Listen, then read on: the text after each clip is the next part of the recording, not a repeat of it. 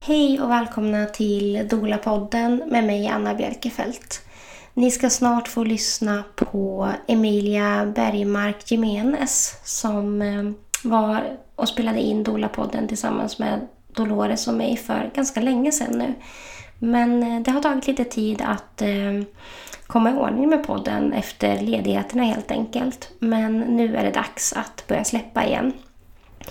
Eh, innan ni ska få lyssna på Emilia och eh, Svenska förlossningar som alltså är hennes senaste projekt så um, tänkte jag bara glatt utropa att det här avsnittet är sponsrat av Butik Kalsit som förutom kristaller och spirituella ting även importerar och säljer rebosos från Mexiko. Sofia som driver Kalsit jobbar även som dola och hon fick upp ögonen för de här magiska sjalarna under sin doula-utbildning. Rebosos är en förlängning av kärleksfulla händer. Denna handvävda sjal erbjuder oss inre frid och avslappning vid massage och vaggande trygghet under en förlossning. Med en reboso kan du skapa din privata sfär under förlossningen och lättare kunna fokusera helt på att gå in i dig själv. Dessa traditionella 100-procentiga bomullsrebosos används av barnmorskorna i Mexiko och är vävda för hand med arv och själ på vävstol. Reboso är ett superverktyg för partner, partner eller dolor för att hjälpa den födande med olika massagetekniker samt övningar inom Active Baby eller Spinning Babies under förlossningen. Reboso är även ett magiskt alternativ som bärsjal. Visste du också att reboson används för många andra ändamål i den centralamerikanska traditionen? Den är nämligen en viktig vän för kvinnan i hennes livscykler. Med en reboso rörs kvinnans kropp rytmiskt för att uppnå balanseffekter som till exempel i en massage under graviditeten, födseln och även efter. Reboso är också ett plagg som används för till exempel ceremoniella ändamål. Genom att stödja, stödja dessa lokala hantverkare som väver dessa magiska rebosos så bidrar du till välbefinnande i deras samhällen då 10% av inkomsterna hos Calcits leverantör av rebosos doneras till lokala traditionella barnmorskor och oberoende hälsoprojekt. Calcit hittar du i Åkersberga på Storängsvägen 11C och på www.butikcalcit.se samt på Instagram, Butik Kalcit. Stort tack till Sofia och Butik Kalcit för att du vill sponsra Dola-podden. Nu ska ni få lyssna på Emilia och vi ber om ursäkt lite att ljudet är lite sisådär i början och eh, ja, det blir bättre under avsnittets gång helt enkelt. Men innehållet är desto bättre så håll till godo allihopa.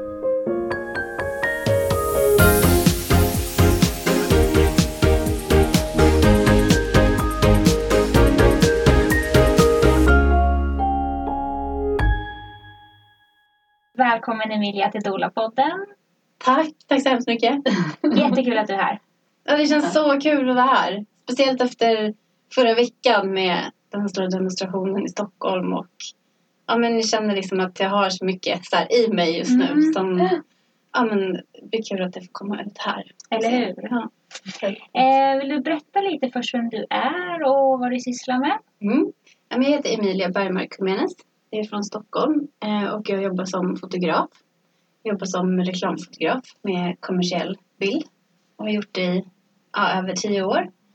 Ehm, och eh, förra året så kom jag ut med en bok som heter En förälders födelse som handlar om hur jag upplevde, jag och min partner, hur vi upplevde hur det var att bli föräldrar till våran son.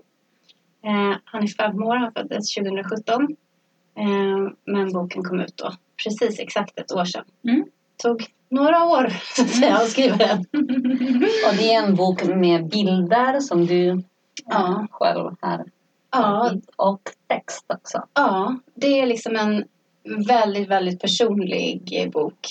Det är liksom texter som handlar om ja, men, eh, liksom, hur intensivt det kan kännas att bli förälder. Eller liksom hur, så intensivt som jag upplevde att det var att bli förälder. Och både jag och min kille då, Erik, Miguels pappa, han är också fotograf. Vi är båda fotografer och fotar väldigt mycket. Så när boken sen skulle bli till så kändes det liksom... Alltså jag är ju fotograf och jag har aldrig skrivit innan jag blev förälder. Okej. Så att, ja, det var... Men då blev det ju liksom naturligt på något sätt att ja, men ni måste också vara med alla de här bilderna som vi har tagit. Så det, det är en, liksom en blandning kan man säga. Ehm, och den blev väldigt fin. Alltså det är en väldigt, väldigt fin bok. Mm. Jag fick väldigt mycket liksom, fin hjälp från förlaget. De har gjort den liksom så, så fin. Ehm, men jag, tror, jag har ju alltid tänkt, liksom, som fotograf tänker jag, har man ju tänkt så här, ah, men jag ska göra en fotobok eller liksom hundra. Men eh, det blev inte det. Det blev liksom en, en text. En textbok. Med bilder. Med bilder, exakt. Istället för tvärtom. Ja. Mm. Ja, den är superfin. Jätte, jättefin. Mm. Mycket Ja. igenkänning för många föräldrar, tänker jag. ja, det är ju den responsen jag har fått. Liksom. Eller- Alla mixade känslor som Ja, föräldraskapet kommer med. ja. Ja, Men det var, jag tyckte det var jättekomplext att bli förälder. Mm. Det var inte alls liksom som... Man kan inte säga så här som jag förväntade mig. För jag hade inga förväntningar. För jag visste inte vad som överhuvudtaget skulle komma. Liksom. Men det, det var jätte um, omskakande Mm. på alla, alla, alla plan. Mm. Och eh, ja, men, jag upplever liksom nu när jag ser andra som är liksom precis här nya, färska föräldrar. Man liksom ser nästan den där liksom det är någonting i blicken eller liksom någonting i hur blek man är i ansiktet eller någonting som bara är så här. Träffade en kompis idag som har ett barn som man bara tittade på mig och frågade är du trött? Jag är trött. Alltså den där liksom chocken hur trött man kan vara. Så att eh, den, jag tyckte det var jättesvårt. Super, super svårt. Det var inte alls någonting som bara liksom kom lätt till mig och att det var jättehärligt och jag var jätteglad. Så det var väldigt långt ifrån det. Mm. Mm. Vill du berätta lite mer om det? Men, um, alltså jag var väldigt förväntansfull liksom när jag, jag liksom, vi blev gravida väl, liksom, jag hade en ganska lång uppstart i min graviditet. Det har ju många av olika anledningar. Men jag åt, um, jag åt en antidepressiv medicin innan jag blev gravid som um, inte, det var ett SNRI-preparat som heter Cymbalta och när jag och min kille började prata om att liksom, ah, men vi börjar ändå bli, alltså jag var ändå liksom några över 30, ska vi liksom börja försöka? Alltså så. Då eh, pratade jag med min läkare och då så sa han att den här, du måste ta bort den här medicinen. Det finns jättemycket SSRI som man kan äta utan problem Ja, när man är gravid. Mm. Men den här medicinen var inte en av dem. Och eh, då gjorde vi liksom upp en plan för en uttrappning. Eh, och sen så började jag försöka sätta ut den och det var liksom en fruktansvärd upplevelse. Men fick du inte byta medicin? Alltså nej, så då, ja, nej, men då i första liksom, svängen så var det bara snack om att sätta ut den. Liksom. Eh, och jag hade faktiskt ingen lust med det alls. Jag kände inte Mm. att det skulle fungera något bra. Men jag hade alltså min läkare var så här, ja ah, men jag är inte helt hundra på det här men vi provar. Liksom. Så, så provade vi sätta ut och det fungerade absolut inte. Det var helt fruktansvärt. Så till slut, alltså först så skulle vi sätta ut den på 11-12 veckor kanske. Och sen så, det slutade med att jag satte ut den nästan på ett år. Mm. Eh, Men sen när jag var liksom på lägsta dosen då kände jag bara så här, nej det här går inte. Alltså jag, det kommer inte gå. Och då träffade jag en annan läkare som sa att men du kan byta. Ja, Ja, ja hela tiden. ja exakt. Så då bytte jag till sertralin Just istället. Mm. Ehm, och det var ju inte heller bara liksom ett jätte, alltså det var inte ett jättesmidigt byte. Mm. Det tog ändå ganska många månader innan jag kände liksom att okej, nej, men nu känner jag mig som mig själv igen och liksom jag känner mig redo. Liksom. Mm. Så det tog ju ja, men nästan ett och ett halvt år kanske från att jag började sätta ut min medicin liksom, till eh, att jag blev gravid. Många Mm. tycker säkert att det är kort. Liksom. Och Mm. det, ja. Men då när jag blev gravid så blev jag gravid jättesnabbt. Mm. Min kille var så här kul att vi fick ligga en gång. ja, nej men så blev jag gravid jättesnabbt och eh, kissade på den där stickan och bara kände liksom när jag såg det där plusset bara Alltså som att allt bara var så här 100 procent. Liksom, jag var så, det var verkligen instant connection. Alltså det var verkligen ögonblicklig anknytning. Liksom. Från att han var i min mage så var det bara liksom okej där är du, det här kommer bli så bra, jag är så lycklig. Jag var så, alltså jag var så glad hela min graviditet. Jag var liksom Sen så gick jag igenom en ganska jobbig grej under graviditeten för att min bästa vän fick, blev gravid samtidigt som mig efter väldigt många IVF-er. Och sen fick hon missfall. Och vi hade liksom ja, nästan samma BF. Så att det var en jättejobbig tid. Hon ville inte prata med mig. Och, liksom. Ehm, vilket jag ju förstår. Liksom. Och vi är bra vänner idag. Men det var väldigt ledsamt då. Ehm, men jag var så otroligt glad. Alltså jag var så, liksom, det var som att alla hormonerna i min kropp stod i linje. Typ. Jag mådde så bra av att vara gravid. För sen hade jag, jag hade en ganska tuff graviditet fysiskt. Jag hade restless legs halva graviditeten. Fruktansvärt. Alltså helt fruktansvärt. Men jag var bara så jävla glad så att det var så här, ja det löser sig. Uff, ja, jag har inte sovit på tio veckor, skitsamma. Alltså bara på, det var som att jag hade typ druckit eller rökt på typ hela graviditeten. Alltså det var bara på så här strålande humör. Liksom. Um, och därifrån så tror jag att det blev ett ganska högt fall typ. För sen så hade jag en ganska lång och tuff förlossning. Som, det kan vi prata mer om längre fram. Men den har jag ju börjat förhålla mig till väldigt annorlunda. Sen jag liksom började jobba med det här och sen jag utbildade mig till doula och allting. Men då i alla fall såg jag på det väldigt mycket liksom som att ja men eh, den var jätte, jättelång. Det var flera dygn, alltså det var 80 timmar och slutade med akutsnitt. Och, eh, det var liksom, ja men jag var väldigt trött, så kan man säga. När det väl liksom, när man väl skulle möta sitt barn, eller när jag väl skulle möta mitt barn då, så var jag ju liksom så trött så att jag hade ju ingenting kvar att ge. Liksom. Och sen därifrån så var det bara som en spiral neråt. Liksom. Det, det började aldrig, alltså honom, liksom kärleken till honom, den har varit så bara liksom sen första sekunden. Liksom.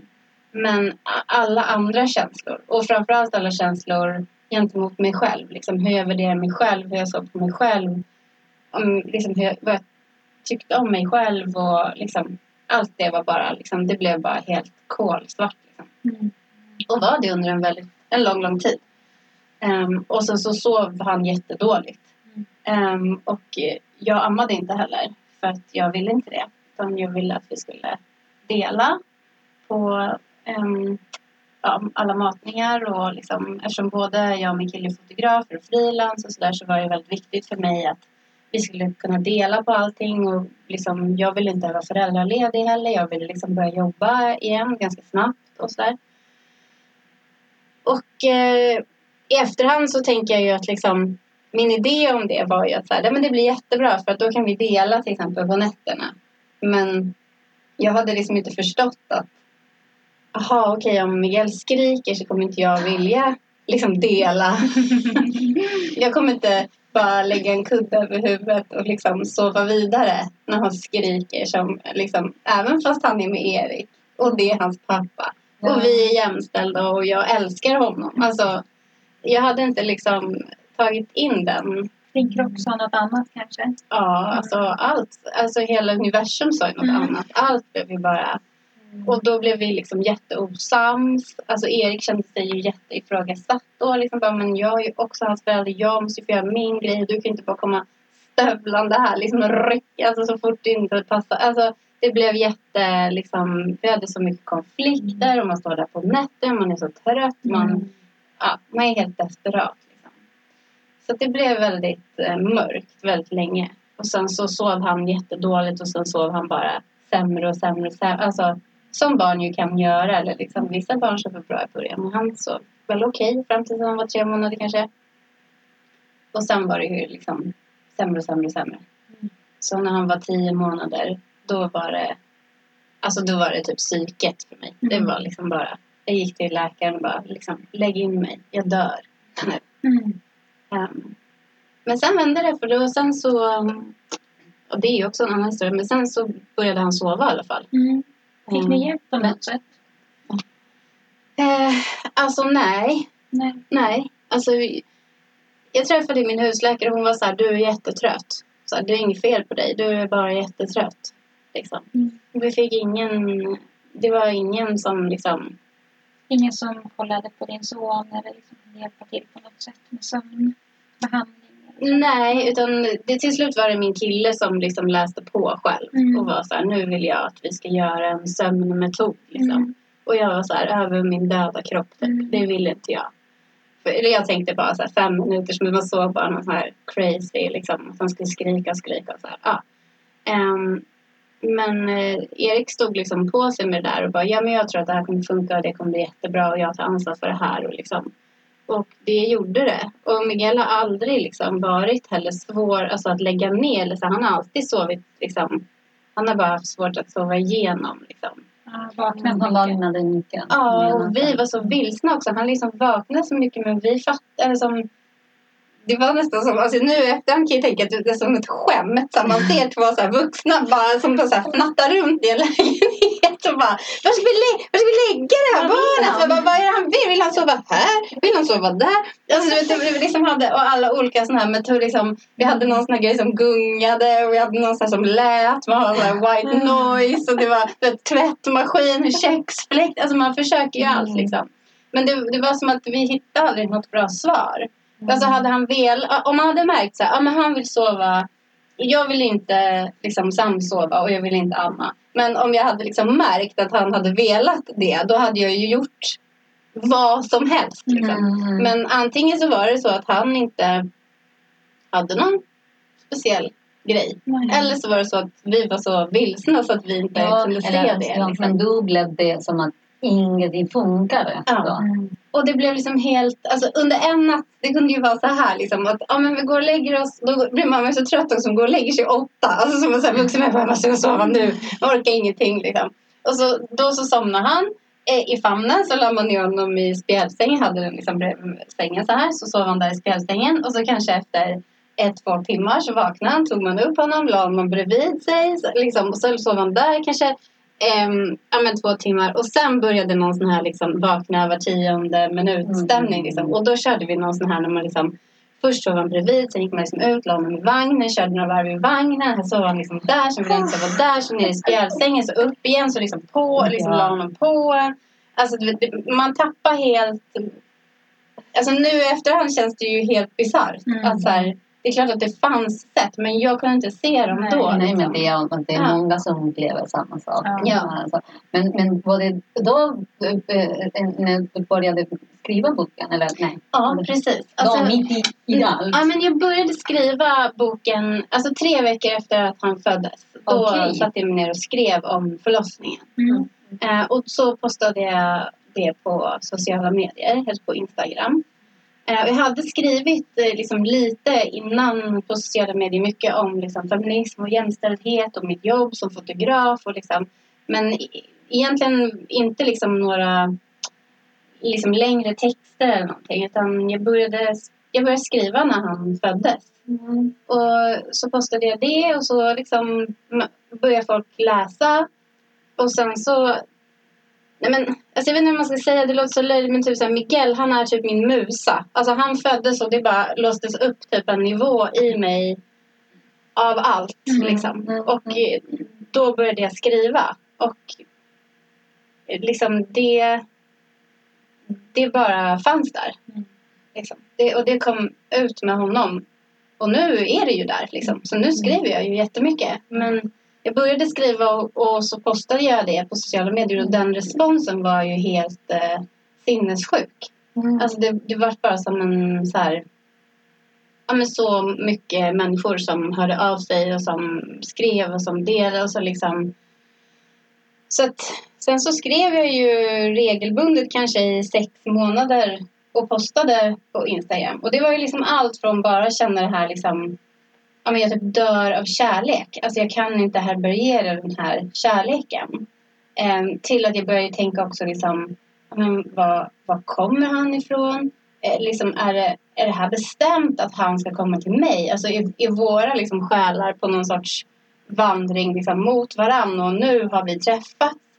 Eh, liksom, eller är det bara slump? Eller, liksom, det är verkligen allt mellan så här, himmel och så här, finns Gud? Alltså Gud måste ju finnas för jag har fått det här barnet liksom, och han är så fantastisk. De här känslorna liksom, till att bara så här, jag orkar inte, jag är inte alls glad. Jag är så ledsen hela tiden. Jag, jag kan inte liksom fokusera på någonting för jag mår så dåligt.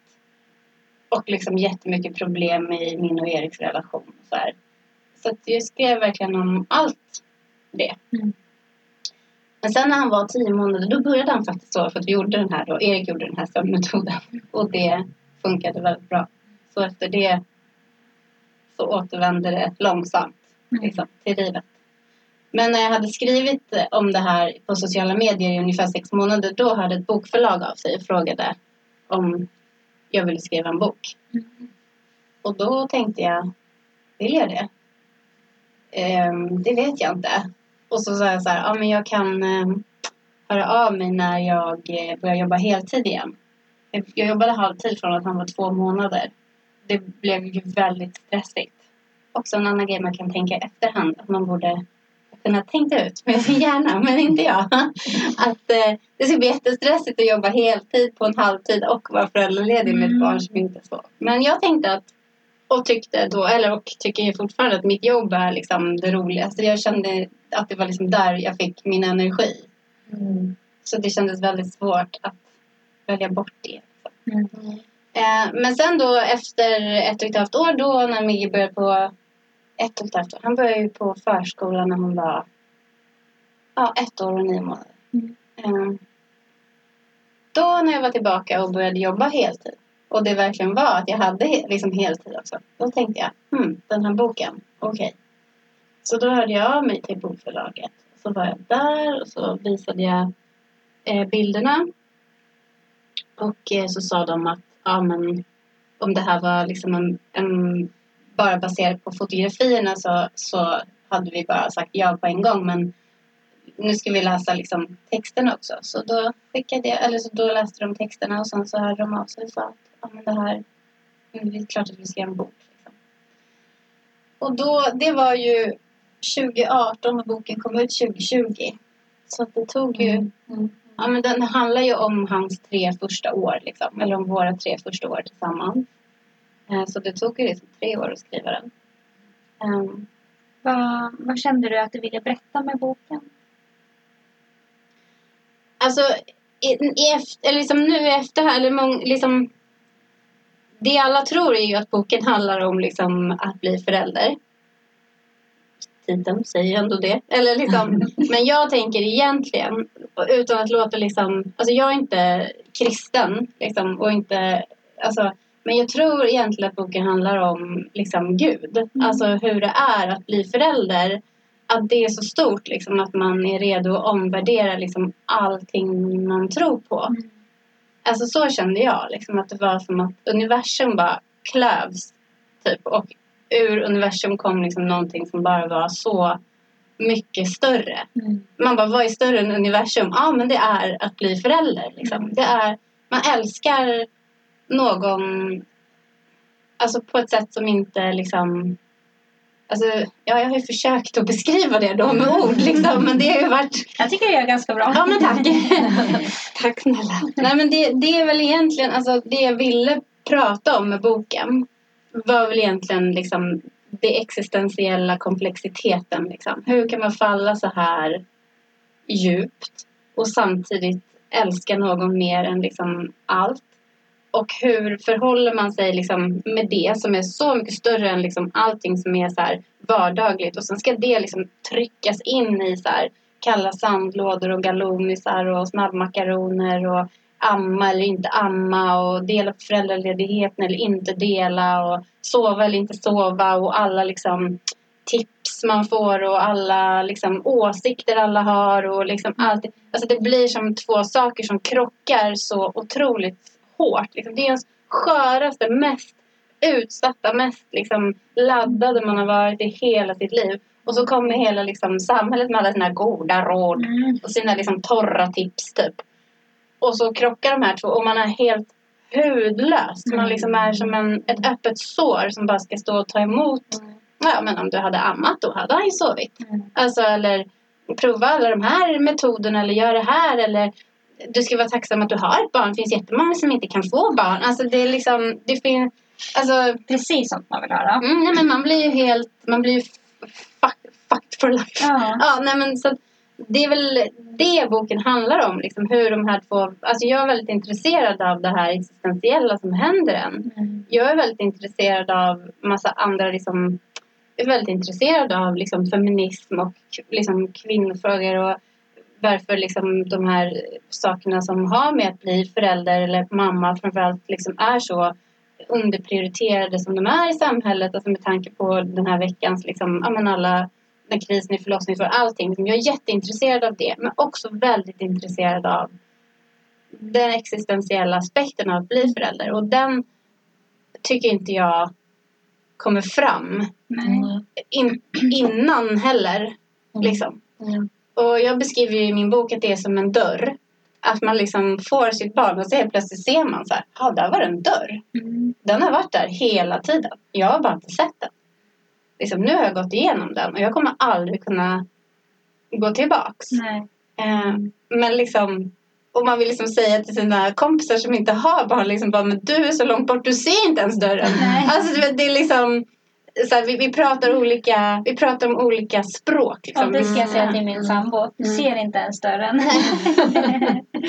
Nej, men det, så att, det, det är väl liksom det jag egentligen, och typ förmedla någon sorts tröst i det. Mm. Att så här, det är klart att det är smärtsamt när de här enorma känslorna som man härbärgerar som förälder krockar med alla de här då förnumstiga råden Mm. och det, allt det här praktiska som man förväntas. Mm. Den här livsstilen man förväntas ha, att man är liksom förälder. Mm. Alltså det är väl typ det jag vill förmedla. Att här, Mm. Det är okej och jag finns här typ. Och den här boken finns här och den kommer typ hålla din hand. Mm. Liksom. Mm. Så, att, ja, men så började det. Liksom, Mm. med. Och nu är den ju ute där ute och simmar runt och, och liksom... Ja, den, jag får ju meddelanden och mejl och varje dag om boken. Gud vad roligt. Ja, Så fint att, att få eh, feedback på det man gör. ja nej, men det, det är jättestort. Och nå dem Mm. som man riktar sig mot. Ja, men jag har ju ett ganska stort Instagramkonto. Ja, det är inte jättestort, men det är ganska stort. Och, men det är, jag har sån liksom, otroligt nära kontakt ska jag säga, med de som följer mig. Mm. Och liksom, jag har ju fått meddelanden och mejl och liksom folk som har berättat för mig när de har liksom blivit inlagda på psykakuten och lämnat sina barn, liksom, sagt hej då till sina barn utanför dörren till psykakuten liksom, och gått in och inte vetat när de ska träffa sina barn igen. Eller liksom, människor som har delat med mig när de liksom börjar sin IVF-resa till liksom, att de Mm. har fått ett barn. Eller, alltså, det har varit så personligt. Mm. Och det har ju varit, alltså det skulle jag säga liksom den här bokens styrka på något sätt. Att den kan bryta ner någon sorts här, mur mellan, Mm. som behövs. Det behövs brytas ner för det, Mm. det är för mycket prestige och för mycket rädslor och liksom så Mm. mellan människor. Speciellt när det kommer till föräldraskap, liksom Mm. hur man gör och hur man ska göra och liksom Man ska Så. gärna vara liksom alla sorters föräldrar typ. Ja, och man blir väldigt protegeriska om sin egen metod. Liksom. Och om Mm. någon annan gör på något annat sätt och det verkar fungera för dem så blir man väldigt rädd att liksom, det man själv gör framstår som det blir fel. Alltså det, Mm. det är otroligt komplext och den här boken fungerar väldigt mycket som att den bryter ner det där Mm. och människor liksom vågar verkligen öppna upp sig Mm. för, för, liksom för mig. Eller liksom, och jag är så tacksam för det. Det har gett mig, ja men, det har gett mig allt. Alltså, men det är ju också jätte ehm, tungt ibland. Och jätte, jag blir jättetrött. Mm. Och jätte liksom, jag förstår. ja, det är superintensivt att ta emot alla de här liksom, Mm. meddelanden och alla de här känslorna och alla berättelser. Alltså, Mm. Mm. Jag brukar säga till min kille att liksom, jag har flera så här superintima, liksom, innerliga samtal på sociala medier liksom, på en vecka än vad han har på liksom, tio år. med liksom sina, nej, men alltså, det, är, ett- Mm. det är extremt speciellt för att det Mm, verkligen mm. når människor i sitt sköraste. Liksom. Mm. Men jag är väldigt, väldigt tacksam för det. Och det har ju liksom... Ja, men, sen har det ju liksom lett mig in på det här då. Mm. Ja, för jag tänkte alltså, du sa, alltså, så, din, in- din, Instagram handlar mycket om fotografi och, Mm. och konst och feminism. Mm. Och, och nu är det också en plats för de här artikelsamtalen. Ja. Men jag tycker att det hänger ihop väldigt mycket. Alltså för Mm. mig har det varit väldigt liksom... Alltså innan jag hade barn så pratade jag ju väldigt mycket om så här, hur det var att vara kvinna i en mansdominerad bransch. Mm. Skrev väldigt mycket om liksom, ja, men, liksom, feminism i allmänhet men också mycket liksom, i, inriktat på just så här, ja, men när jag skulle bli förälder, hur vi skulle liksom dela på det, hur det skulle vara för mig som frilans jämfört med min kille då som, alltså jag skulle vara gravid nio månader, ska inte han. Vi har liksom ganska identisk arbetssituation. Alltså jag skrev mycket om de liksom sakerna som ledde upp till det här.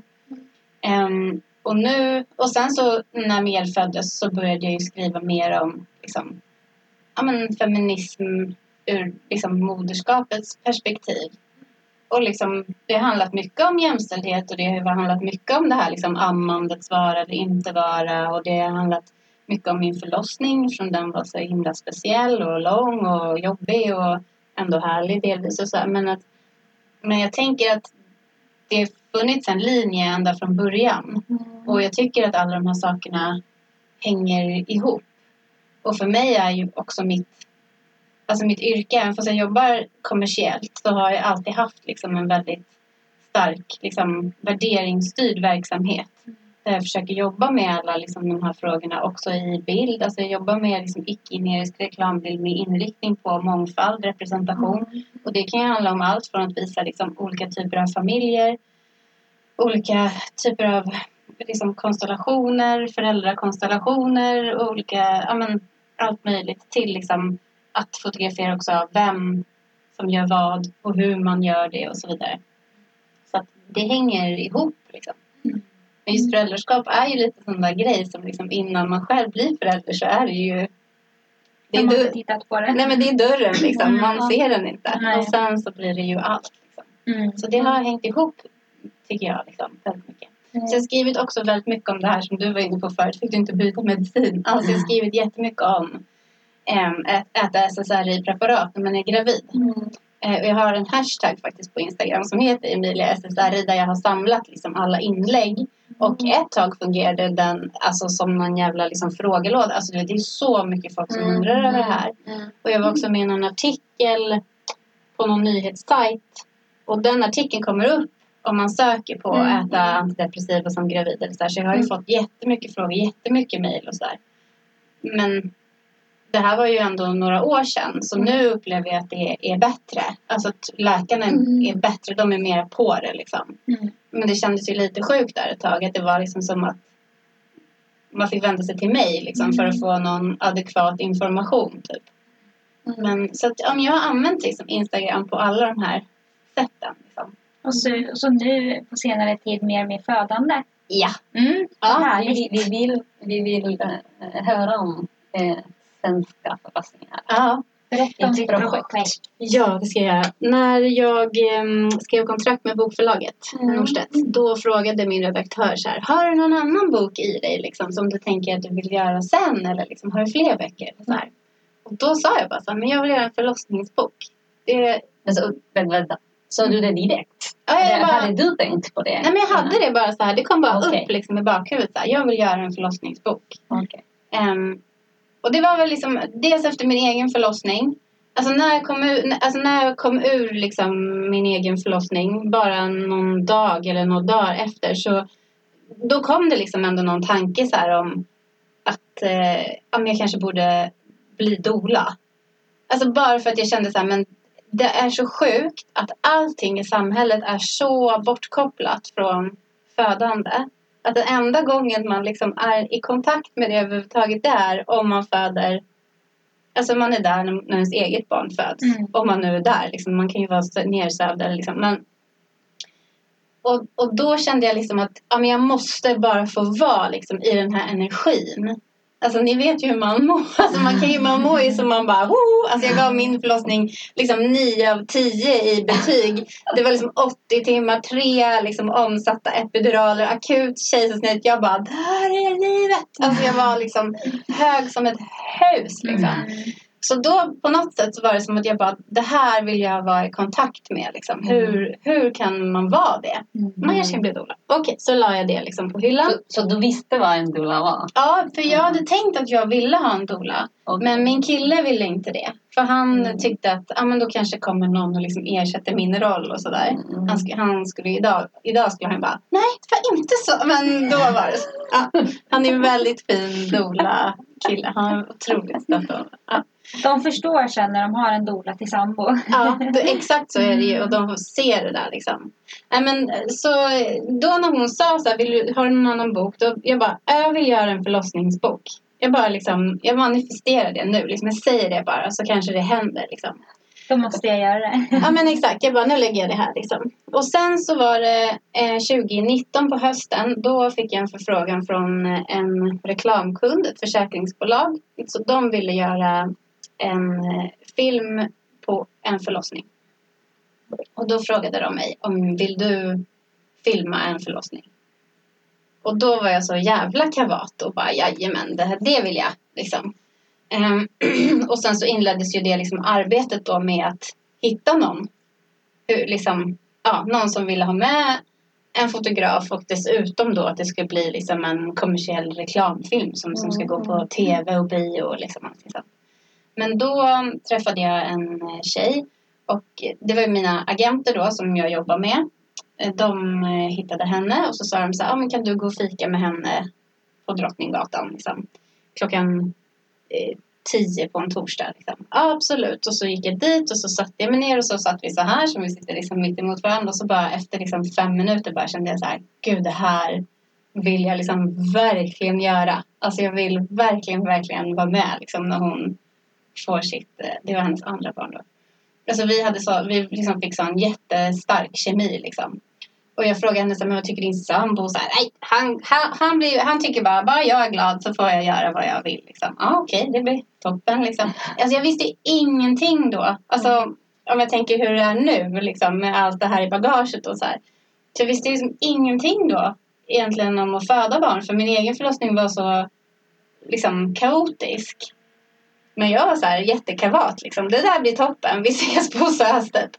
Och då klockan var tio, det var torsdag och sen så skildes vi åt och så sa vi liksom, ah, hon hade BF kanske på söndagen eller söndagen efter eller liksom, ja vi kan ses om några dagar, om veckan, två veckor, vi får se när det blir liksom. Men då ringer du mig och så kommer jag liksom. Eh, och sen så ringde hon på natten, halv ett på natten. Nu har det dragit igång. Eh, och så åkte jag in till SÖS. Och då när hon ringde då fick jag liksom alltså, så adrenalinpåslag så att jag liksom på att svimma. Jag bara tänkte, vad fan, vad fan har jag sagt?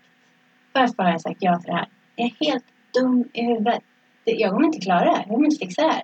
Alltså jag började liksom, jag, alltså, jag, jag så här skaka, hacka tänder. bara fick gå och sätta på mig så här dunjacka. Jag har en sån bild när jag står i hissen och åker ner. Jag åkte in vid typ två på natten. Bara så här, helt liksom som ett liv. Vad tänkte du att du inte skulle ja, klara? ja. Ja, men jag tänkte att mina ben kommer vika sig. Jag kommer kräkas. Mm. Jag kommer flippa ur. Och Mm. det... Så mycket förstod jag ändå. Att det kanske inte var liksom en, en adekvat plats för mig att ta. Liksom. Alltså, nu har jag lite emotionella behov här som måste tillgodoses. Utan det var liksom... Jag måste fin- alltså, det, för, det hade jag ändå förstått. Att liksom, jag kommer behöva finnas där för henne. Ingen där kommer kunna finnas där för mig. Nej.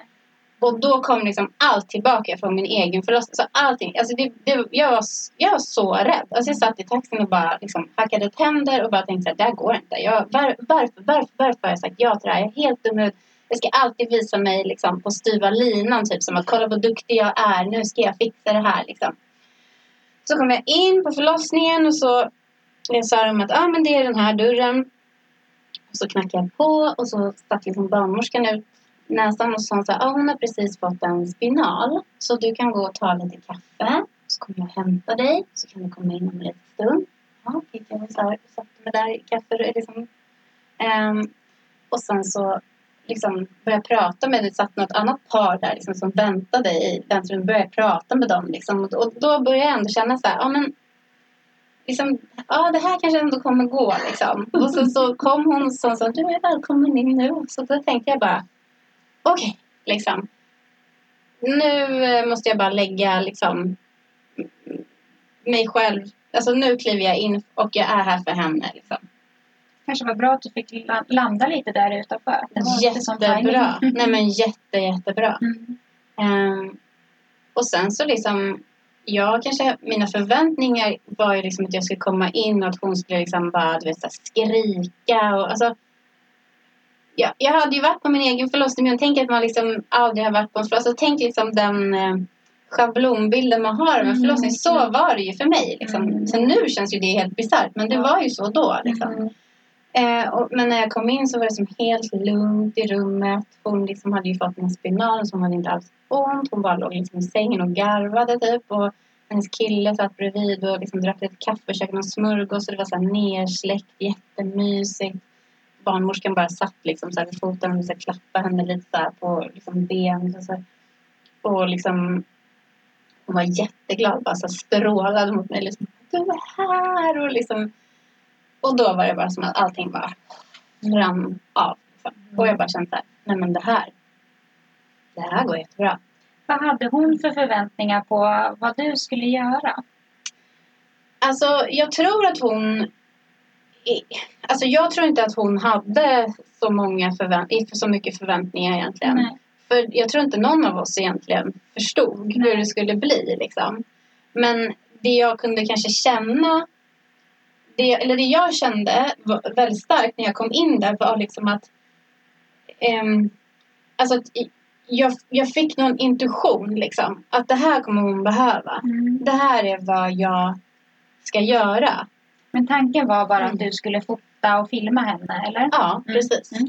Ehm, men det blev liksom så mycket mer än det. Mm. Eh, och det liksom verkligen bara kom så jätte, jättestarkt. Liksom. Och jag tror också det var för vi har sån stark kemi. Mm. Alltså hon och jag, vi tycker så mycket om varandra. Liksom. Så det, det kom så himla liksom, naturligt bara att man vill vara liksom, nära varandra. Och, alltså det här fysiska och liksom, tröstande och allting. Liksom, det bara liksom så. Um, och så började jag liksom fota och jag pratade med henne och med hennes man och liksom vi skojade och pratade. alltså det var liksom och hon tog sina verkar och liksom så och så blev det ju liksom mer och mer intensivt. Och sen så förstod man ju liksom plötsligt att så här, okej nu, nu kommer, nu kommer bebisen liksom komma. Och då var det liksom som att, eh, nej men det var ett jättestarkt liksom ögonblick när hon liksom sträckte ner sin hand och kände, jag började gråta, nej men jag kände på hans huvud liksom. Och att hon kände att han hade massa hår. Och hennes ansikte när hon eh, liksom förstod. Alltså det ögonblicket, jag kommer aldrig glömma det. Det var Mm. liksom he, hela min, alltså mitt hjärta bara, alltså och att jag fick liksom det på bild. Alltså jag bara har de bilderna liksom. Och man bara ser hennes hon börjar liksom gråta. Man ser liksom att nu, hon kommer ta hem det här liksom. Det här kommer...